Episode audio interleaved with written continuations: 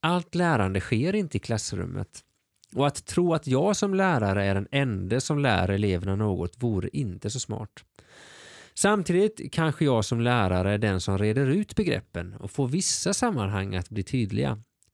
Men att ta tillvara det eleverna redan kan är viktigt för att lärande i ännu större grad ska ske. Och jag vill vara en lärare som utgår från elevernas förförståelse i min undervisning.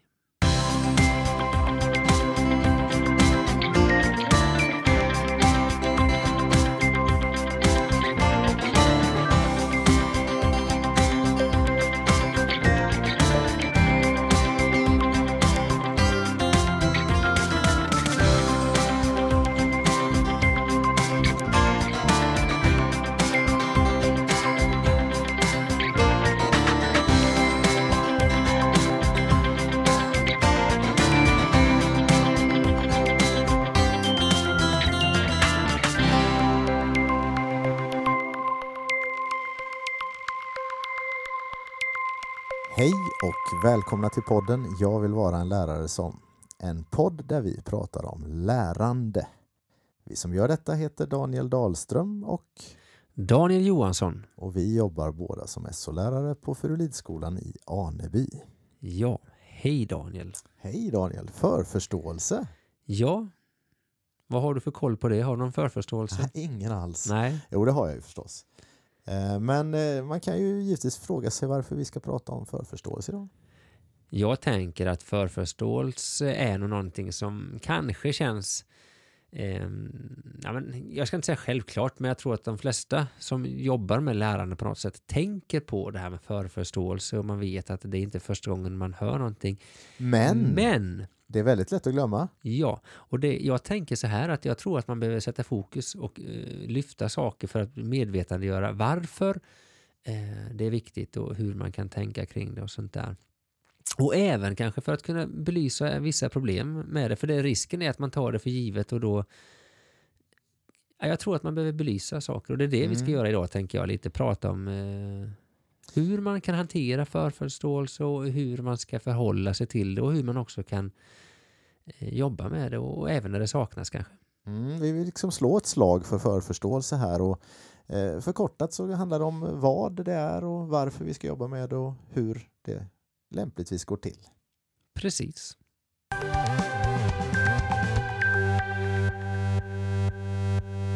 Mm, första punkten då skulle väl kunna vara vad är förförståelse? Det är ofta så att det är en bra idé att definiera vad, vad det är vi pratar om. Ja, nu tänker jag att vi två jobbar ju i klass. Det är inte alla lärare som gör det, eller ledare ibland jobbar man med enskilda elever och sånt Mm. där. Men jag tänker att förförståelse på något sätt är den samlade kunskapen som finns i den gruppen eller den enskilde eleven vi ska Ja, jobba med. Där är ju en intressant skillnad. Ja, Eh, är det i den enskilde eller den eh, samlade gruppen vi pratar här när vi pratar förförståelse? n- när jag som klasslärare tänker förförståelse, då tänker jag på den samlade kunskapen. Och jag tycker det är lite viktigt att på något sätt fånga in den samlade förförståelsen. Sen är det så att alla elever är individer. Ja. Och det måste man också givetvis ta hänsyn till. Och ibland jobbar vi med enskilda elever och då är det ju då är den samlade förförståelsen bara en elev. Givetvis. Ja, Men Eh, Men det finns ju en väldigt snygg effekt i att visa på att den samlade förförståelsen är god. ja, Att ni som klass, wow vad ni hade koll på det här. ja, Hade man gått på en enskild person så kanske det hade varit rätt svajigt. ja. Men när man samlar ihop någonting så, så eh, ja, då finns det verkligen någonting där att bygga på. ja jag, En tänk, grund. jag tänker på det här vi pratar om eh, när vi pratar om formativ bedömning och, och det här med eh, the learning pits och allt det här. Liksom att, att se kamrater som resurser. Mm. Det tror jag vi hela tiden behöver jobba med, både för vår egen skull men för klasskamraternas skull. Va? Och då att belysa gruppens förförståelse blir ju ett redskap här. Att jaha, här kan vi saker. Alla kan inte allt, men vi kan ganska mycket tillsammans. Ibland kan det vara en liten fin gräns där mellan när man samlar upp en grupps förförståelse sådär, att en del, det finns ju alltid en liten risk att några sitter där och känner sig lite dumma liksom eller sådär. Men jag, jag har märkt att ju, ju mer jag har hållit på som lärare desto enklare hanterar jag det där att få det att få förståelsekollen till att bli en ganska positiv upplevelse för alla. Ja. Att man liksom, Hur då? ja men jag vet inte riktigt, man, jag, jag brukar ganska, man gör det till en ganska lättsam sak Ja, att ta reda precis. på det. Jag tror att lättsamheten där någonstans, vad vet vi om det här och spåna lite och ingenting är fel. Alltså, man, man kan få chansa lite och, och så plockar man ändå bara upp de goda exemplen på något sätt och bygger någon sorts härlig grund att stå på. Och även om inte alla i gruppen hade koll på det här innan så har de lite bättre koll nu när vi går vidare. Liksom. Och det, det är ju lite trevligt. Jag tänker också som vi sa, den samlade kunskapen är ju inte bara det vi har gjort i skolan. Nej. Eh, och det är inte bara det som har skett i vårt ämne utan det är ju faktiskt det som eleverna känner till och kan. Mm. Oavsett varifrån kunskapen kommer. Det kan ju vara så att någon har varit på en resa i ett land vi läser om eller någon kanske har, tillhör en religion vi läser om just nu eller någon kanske har sett ett tv-program eller vad som helst. då? Eller ha någon sån här skön special, specialintresse eller specialkunskaper inom något, inom något område sådär som man kan utnyttja. Det, det kan ju vara väldigt, väldigt trevligt. Så där, där har vi ju definierat lite grann vad förförståelse är.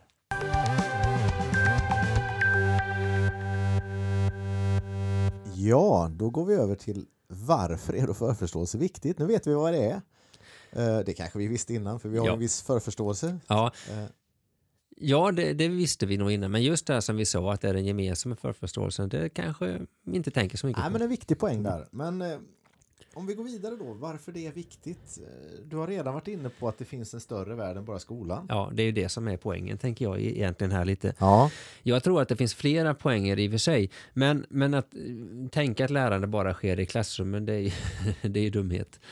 Och det tror jag de flesta i och för sig kanske är medvetna om. Men jag tänker också att det ger ju en tydligare koppling till det som sker utanför. Och det tycker jag är lite viktigt.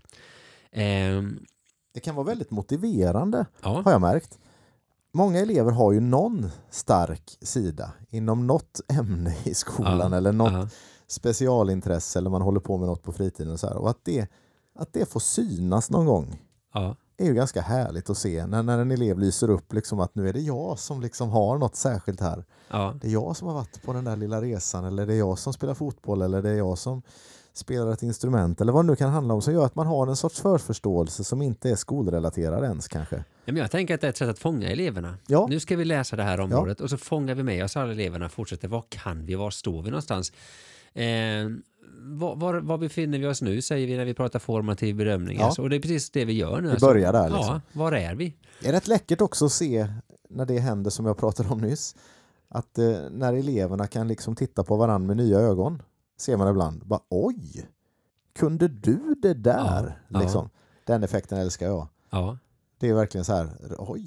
så det kan ju vara ett sätt att lyfta Ja, en del elever. ytterst eh, ofta tycker jag att det Ja. blir så. Mm. Jag tänker så här, vi pratat om utmaningar och sånt där och om man ska utmanas och ta nya steg i sitt lärande så tror jag alltid man ska börja i det kända och det är ju ett sätt att fånga in gruppen, samla ihop förförståelsen, var är vi, var befinner vi oss och så här. Mm.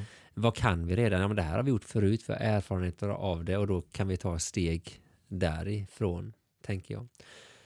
Hattie har ju visat att övergångar mellan skolformen är någonting som är väldigt negativt för lärandet. Ja, Och här tänker jag, här finns en liten problematik för oss lärare, att Ja. vi jobbar ju inom en viss nivå sådär. Att, Ja. att veta vad eleverna faktiskt har med sig sådär är väldigt svårt. ja, Man, man får mer eller mindre bra information om sånt.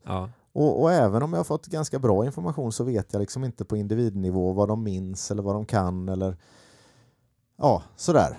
Eh, och, och då är ju det här med förförståelsen blir ju eh, att vara intresserad av vad Ja. de har lärt sig innan. Det skickar också ganska snygga signaler att man jag vet ju att ni kan saker sedan tidigare. Ja. Sådär, nu kan ni få visa det. Ja, men jag tänker att, att inte ta hänsyn till det är nästan att omyndigförklara eleverna lite in att, eh, här är, att jag skulle vara någon slags ja, den som ensam kan ge, ge dem något i livet. Ja, och så är det ju inte, utan jag tänker att vi lyfter eleverna, vi, vi, vi förmyn, inte förmyndigar vad säger man? Man myndigförklarar dem helt Ja, enkelt. Att- och, och deras tidigare lärare eller deras tidigare upplevelser Ja. eller föräldrar Ja. eller så. Eh, Jag menar, det är många föräldrar som skickar med fantastiska kunskaper med sina barn till skolan inom vissa områden. Ja, och vill vi att eleverna ska ta ansvar för sitt lärande så måste vi alltså se att det ni kan, det är av vikt. Ja. Det är viktigt. Och vi ser det. Ja, vi ser det Ja. och vi tar med det och vi tar hänsyn till det och så här, och bejakar det. Och sen tänker jag så här. Att om vi vill fokusera på utveckling i skolan så kan det också vara ett... Eh, Och det vill vi ju. Ja, det vill vi. Och då, då kan det också vara ett avstamp att här är vi idag. När vi sen eh, kommit vidare efter några veckor så skulle vi kunna se var befinner vi oss idag. Då kanske vi ser att det som var förförståelsen för tre veckor sedan, det har ju utvecklats. Att kunna göra den kopplingen. Och det kan vi aldrig göra om vi inte tar ett avstamp i början av ett område, tänker jag. Då får vi liksom gissa i svartronet ni ni kunde för tre veckor sedan. Nej, men att, att göra ett, ett avstamp Mm. Eh, det kan man göra inför ett område, inför varje lektion, inför ett nytt läsår eller vad som helst. Men de här avstämningarna ibland, det, det är ju liksom någonting att bygga vidare på. För att fokusera på och visualisera utvecklingen. Något som jag associerar till här är ju faktiskt att ibland inser jag numera att jag också gör någon sorts avstämningar som bygger på att visa eleverna att de faktiskt inte kan Ja, så mycket som de tror. absolut. Det är också viktigt. Att jag vrider till någonting lite så här i utmanande modellen eller ja. the learning pit i, det, i den andan att jag faktiskt twistar till det lite och visar dem att ni har faktiskt inte koll på det här. Och det kan också bli någon sorts aha-upplevelse att oj, och så kan man börja där. Men kan inte det då också vara ett sätt, tänker jag, att försöka väcka frågor? Jo, Att väcka någon Jo. slags nyfikenhet? Att, ja och det blir ju ännu tydligare sen en lektion senare eller en halvtimme senare när Ja. man faktiskt har förstått det här att Ja. idag har vi ju verkligen fått med oss något. ja, Det blir ju ett synliggörande då när, när man faktiskt kanske inte kunde så mycket som man trodde från början. ja, Eh, Det är, det är också en, en liten twist på den här grejen med förförståelse. ja. Mm. Så det finns flera eh, poänger med att samla in den här kunskapen, tycker jag. Mm. Mm.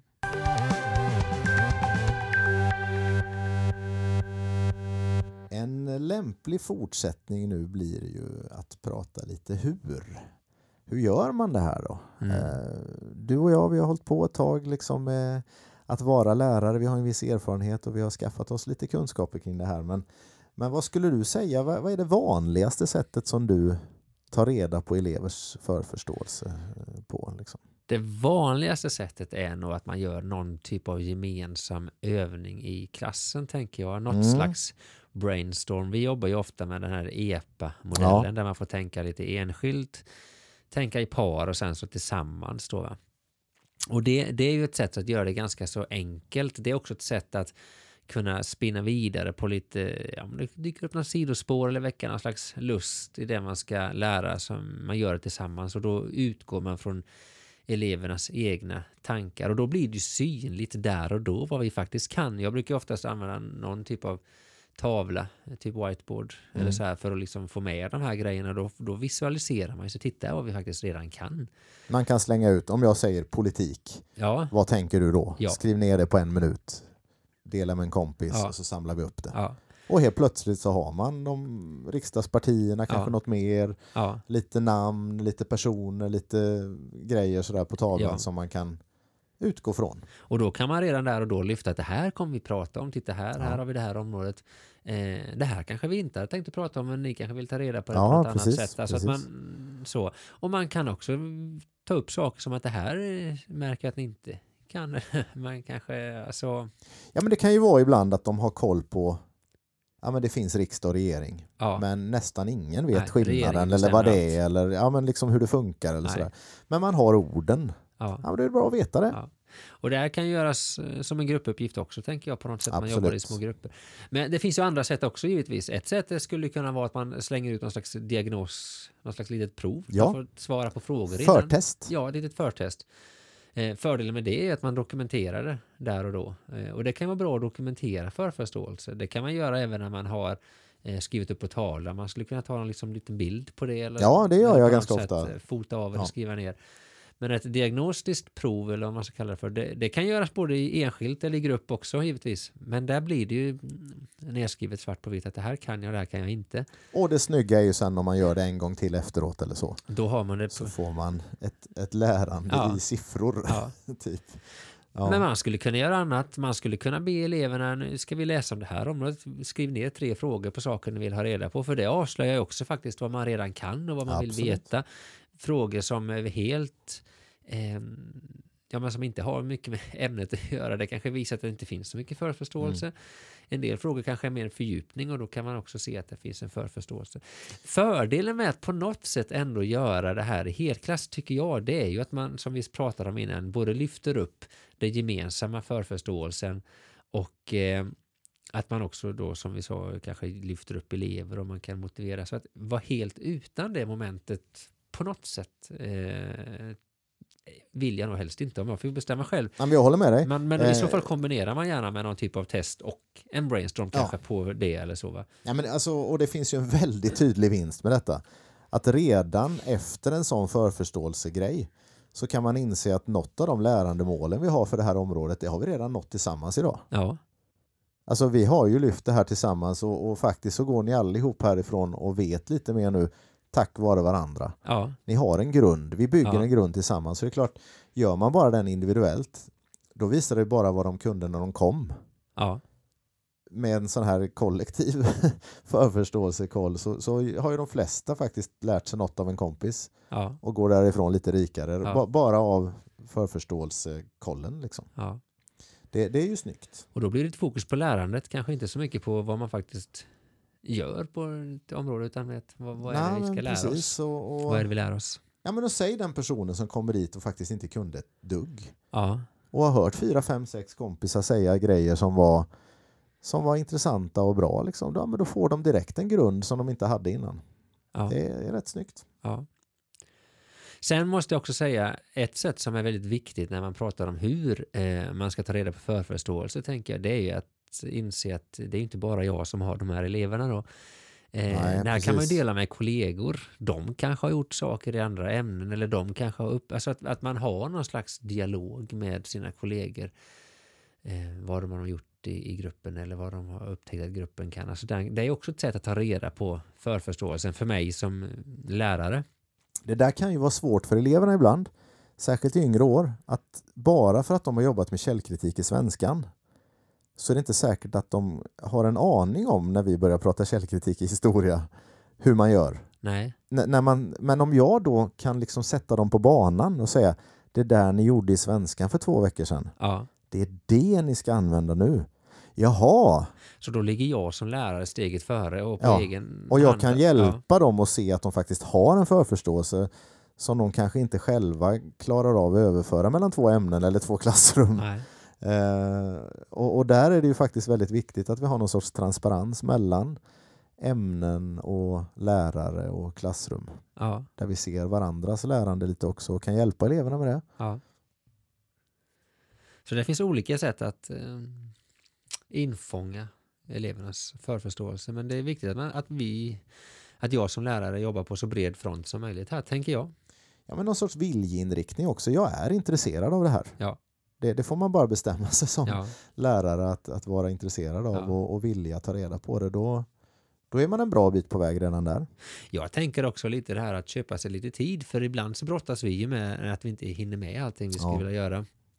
Och då är det ju dumt att jag kanske lägger tid på saker som elever redan kan. Så där är ju, det är egentligen en varför-fråga, men, men att eh, Det går bra att ta den nu. ja,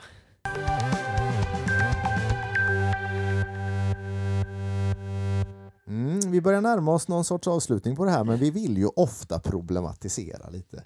Daniel, och, och det här med förförståelse är ganska lätt att problematisera, tänker jag. Det finns flera saker man skulle kunna lyfta med det här och som man skulle kunna ha som invändningar. Eh, jag vet inte om det här är en invändning, men jag satt själv och tänkte på att eh, skulle man kunna tänka sig att det kan vara så att den med mycket förförståelse får ett visst försprång då ska inte skolan vara rättvis och lika för alla. Kompenserande Ja, pratar man ju om ibland att skolan har ett uppdrag att vara. Ja, ja. ehm, ja hur parerar vi det? ja. För så är ju sanningen. Alltså, elever kommer ju med en vansinnig skillnad i förförståelse. Ja, och det kommer vi aldrig komma Eh, ifrån. Nej, men, det, nej så det beror är på det ju. väldigt många olika orsaker. Det kan ju dels vara vad man intressen, det kan vara hur man pratar hemma och sånt där och det Oh ja. något sätt får man ju för- Socioekonomiska Ja. faktorer har ju visat sig vara väldigt ja, eh, betydelsefulla också. ja. Och, och där finns ju tanken då med att göra det här i grupp för att jämna ut de orättvisorna Ja. till viss del, tänker jag. Där har vi redan berört, ja. Men att, att vi tar del av varandras förförståelse. Låt den eleven som kan mycket berätta någonting. Är det någon som har en erfarenhet av en resa till Belgien när vi läser om EU eller Bryssel, ja, men låt den berätta det och liksom låt de andra få ta del av det, se det som en resurs och belys det som en resurs för klassen. Se eh, inte bara som att titta här vad den kan och den kommer gå så bra, utan belys det som att titta här, här har ni någonting som ni kan ta del av. Och det tangerar ju det här som vi ofta återkommer till att vi vill ju skapa ett klassrumsklimat där andras kunskaper inte är ett hot för mig. Det, det är ju inte så. Det, jag är inte hotad av att någon annan kan en massa just nu. Nej, Utan det är ju bara kul. ja, Det är ju någonting som, som är till nytta för mig. ja, Och alltså det klimatet vill vi ju skapa aktivt och prata om på det sättet. ja. Att vad roligt att du kan bidra. Liksom. Tänk vad vi andra har nytta av det här nu. Ja, alltså att det är den, det synsättet vi har hela tiden. Det är liksom inte på någon annans bekostnad. Men skulle vi inte göra det, då skulle vi inte jämna ut oddsen. Då skulle den eleven sitta med sin egen förförståelse och kunskap och då, det blir ju mer orättvist, tänker jag, Verkligen. än att faktiskt lyfta det och, och ta nytta av det och, och så. Ja, min erfarenhet är att elever går igång lite på det där. När, när man får det att funka så tycker de det är väldigt kul att få kunskaper av varann och inte bara från mig eller från en bok eller från en film utan wow, har du varit där och sett Ja. detta liksom? Eller kan du så mycket om det här? Men sen finns det ju en annan problematik och det är om man kommer in med fel förförståelse. För det, Mm. Man brukar säga att det är svårt att lära gamla hundar att sitta och det, det, det är lite så man kan tänka. Alltså du kan ju ha en väldig eh, idé eller tanke som är väldigt fast eh, cementerad att så här är verkligheten och så tänker vi att nej, det är precis tvärtom eller vad. Det skulle kunna vara ett problem som ligger dig i fatet, att du har trott att... Ibland så kan det vara en förutsättning för att lärande ska ske, att man kan utmana den bilden av verkligheten, men det kan ju också vara ett problem. Ja, men verkligen. Och det kan ju handla om ganska... Ja, men säg att vi läser religion till exempel. Kan vi, stöter man ju ibland på elever som är så otroligt övertygade om sin egen religions förträfflighet som man, man är inte intresserad av något annat eller sådär och man har fått med sig det väldigt starkt hemifrån eller politisk övertygelse och, och sånt där att så här är det ju.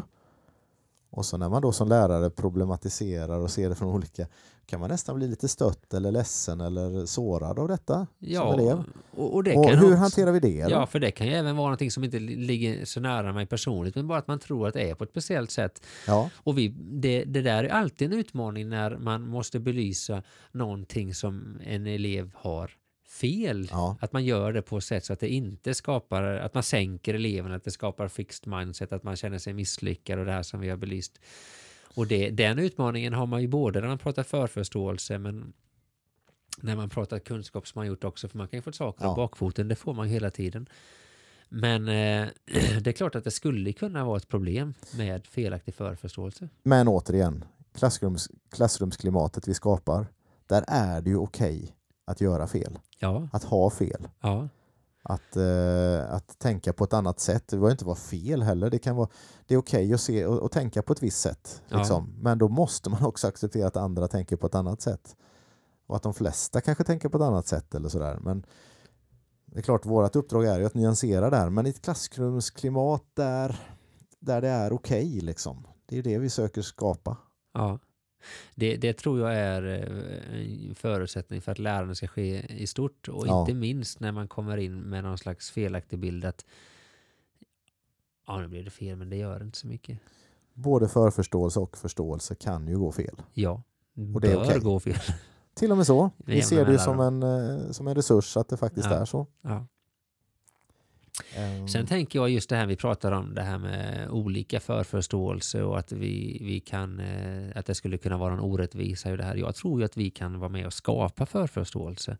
Ja, och det är Eh, något vi har jobbat med några år. Ja, och eh, man kan diskutera det här med läxor och om man ska ha det i skolan eller inte och det tänker jag kanske inte göra nu men, men vi har ju gjort en del och jobbat en del med det här med att ge någon typ av läxa eller någon typ av uppgift eh, som man skulle kunna lösa hemma eller i skolan men för att skapa en viss förförståelse och på så sätt jämna ut oddsen. Vi har jobbat en Mm. del med det här med flipped classroom som har varit på tapeten några år och eh, vi behöver inte gå in jättedjupt på vad, hur vi har gjort det men vi har gjort små filmer Ja, där vi har gått igenom begrepp och ord som eleverna behöver ha med sig för att förstå ett område.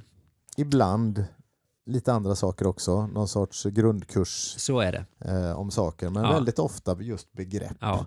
Och i våra ämnen som vi undervisar i så är det väldigt mycket ord Oj, oj, oj. som är svårt eh, att förstå. Demokrati, klimat eller vad det kan vara. Alltså det finns ju jättemånga begrepp. Och då att försöka ge eleverna en viss förförståelse som de faktiskt kan ta till sig på egen hand och på så sätt jämna ut oddsen lite. Och här finns ju ett språkligt element i det här som, som jag tycker vi bör beröra. Ja. Det finns ju en inbyggd orättvisa om man som mer eller mindre nyanländ inte har en språklig förförståelse. Eh, och det vill vi ju komma åt lite grann med de här filmerna. Ja, Att vissa begrepp ska i alla fall vara lite bekanta när man börjar jobba med någonting. Eh, det är ett sätt att sänka tröskeln lite grann och, och, och jämna ut oddsen lite. ja, det är i alla fall det vi vill ja, med detta. Att, eh, för där, där ligger ju någon sorts orättvisa rent språkligt. Att många har ju med sig en förståelse som, som andra inte har av naturliga skäl. Jag tänker liksom lite sammanfattningsvis att det här med förförståelse är ju någonting som vi ska se som en resurs och en tillgång. Ja. Och någonting vi ska utnyttja och ta vårt avstamp ifrån. Och de problem som finns, de måste ju vi som lärare då eh, ta lite ansvar för att jämna ut i den mån vi kan. Men det måste inte heller vara ett problem. Om det är någon som kan väldigt mycket så måste inte det vara ett problem för resten av gruppen. Nej, för då utnyttjar man det Nej. för att jämna ut. Ja. Och är det Alltså- någon som har felaktig förståelse, förförståelse så behöver inte det heller vara ett problem Nej. om vi kan vända det på rätt sätt. Och, och det är också ett sätt att och kanske belysa en slags utveckling. Att titta så här, tänkte du kring detta innan? Minns du detta? Eh, Mm. Och nu gör du så här istället. Har du sett att det har skett en viss förskjutning? Vi brukar ju diskutera det ibland med våra elever när vi har gett dem uppgifter. Har du lärt dig någonting på Ja. detta? Har du ändrat någon åsikt eller sånt där? Vi brukar göra, diskutera e- etiska dilemman och sånt där och där är det väldigt intressant att fråga om de har eh, ja, ändrat någon åsikt och det är inte sällan de har gjort det. Ganska skönt när man till och med ibland kan stå och skratta lite tillsammans åt Ja. något som var så himla tokigt förut. Ja. Men som har blivit så bra nu. Det är en rätt skön bild av lärande tycker jag. Så avdramatisera samtidigt som man tar det på djupaste allvar. Det låter som ett fint slut. Ja. Du har lyssnat på podden Jag vill vara en lärare som, som idag handlade om att vara en lärare som fokuserar på detta med förförståelse. Mm. Följ oss hemskt gärna via vår Facebook-sida Jag vill vara en lärare som eller vår hemsida jag vill vara, vara en lärare som.se. Lyssna på oss gör du via Soundcloud eller någon annan sida eller app där poddar finns. På Facebook och via mejladressen Daniel att jag vill vara en lärare som kan du förstås ge någon sorts respons eller ställa frågor eller komma med idéer. Gör väldigt gärna det. Mm. Daniel och Daniel tackar för oss. Vi hörs snart igen.